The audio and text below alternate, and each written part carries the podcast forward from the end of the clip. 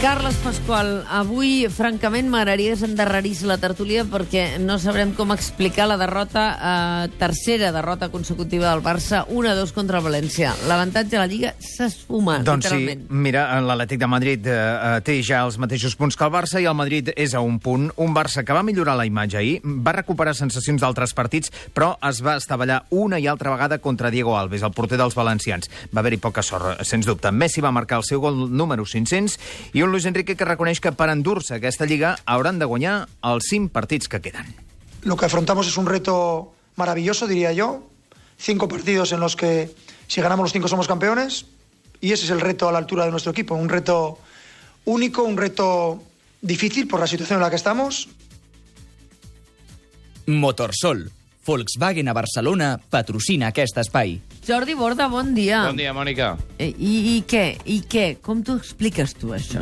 No hi ha gaire explicació. Estem on estàvem l'última vegada que vam parlar.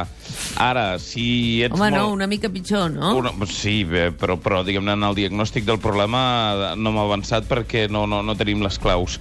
Ara, pots estar eh, dels que es miren la vida amb optimisme i pensar, mira, el Barça va tornar a perdre, i això és un problema, però com diu Piqué, han recuperat sensacions, el futbol va ser diferent, va haver molta mala sort, i el porter Diego Alves va salvar un munt d'oportunitats clares de l'equip blaugrana. Per tant, la cosa torna a funcionar i en el pròxim partit ho arreglaran. Aquesta és la versió optimista. Um, la pessimista diu que el Barça, tot i jugar una mica millor que els últims partits, va tornar a perdre, que l'angoixa es va tornar a apoderar de l'equip i que queden cinc partits on, si no gestionen bé l'angoixa, eh, se'ls ha acabat el marge. Cinc partits on ahir a la TDP ja va obrir el debat sobre Neymar i vau dir, escolta, si no està bé, que descansi, tu. És que en condicions normals eh, un entrenador el faria descansar. Uh, mm. El que passa és que, uh, per bé i per malament, uh, vivim una situació en què els tres de davant uh, tenen un estatus diferent. Uh, els tres de davant em refereixo al trident, Sí. a Messi, Neymar i, i Luis Suárez. Mm. Tenen un estatus diferent, són pràcticament intocables. Que sembla que si no surten, a sobre ja és assumir que les coses no van bé, no? Clar, exacte. És que és una, condició, una situació de normalitat a la vida. És a dir, hi ha moments en què eh, el rendiment eh, no arriba al, al, que, al que tocaria i, per tant, en aquell moment l'entrenador hauria de tenir un relleu i, i substituir Neymar amb normalitat. Mm. Com que el trident ha estat això un, una cosa intocable eh, per voluntat pròpia durant molts anys i aquesta ha estat la clau de l'èxit. Ara que les coses no van del tot bé, doncs, home, costa de, de veure un canvi, però seria el més natural del món. A no ho descartis, eh? No ho descartem, eh? No, no, no. Un art d'aturant per Neymar dimecres a Riazor. No Carles, com ho veus tu, això? Home, doncs és una de les possibilitats eh, que hi ha al damunt de la taula. Té tota la raó el, el Jordi. Eh, si les coses no funcionen, eh, no hi ha jugadors que hagin de jugar per decret. Eh, L'únic que segurament té la titularitat assegurada en aquest equip és Leo Messi, per tot el que ha fet, per tot el que dona.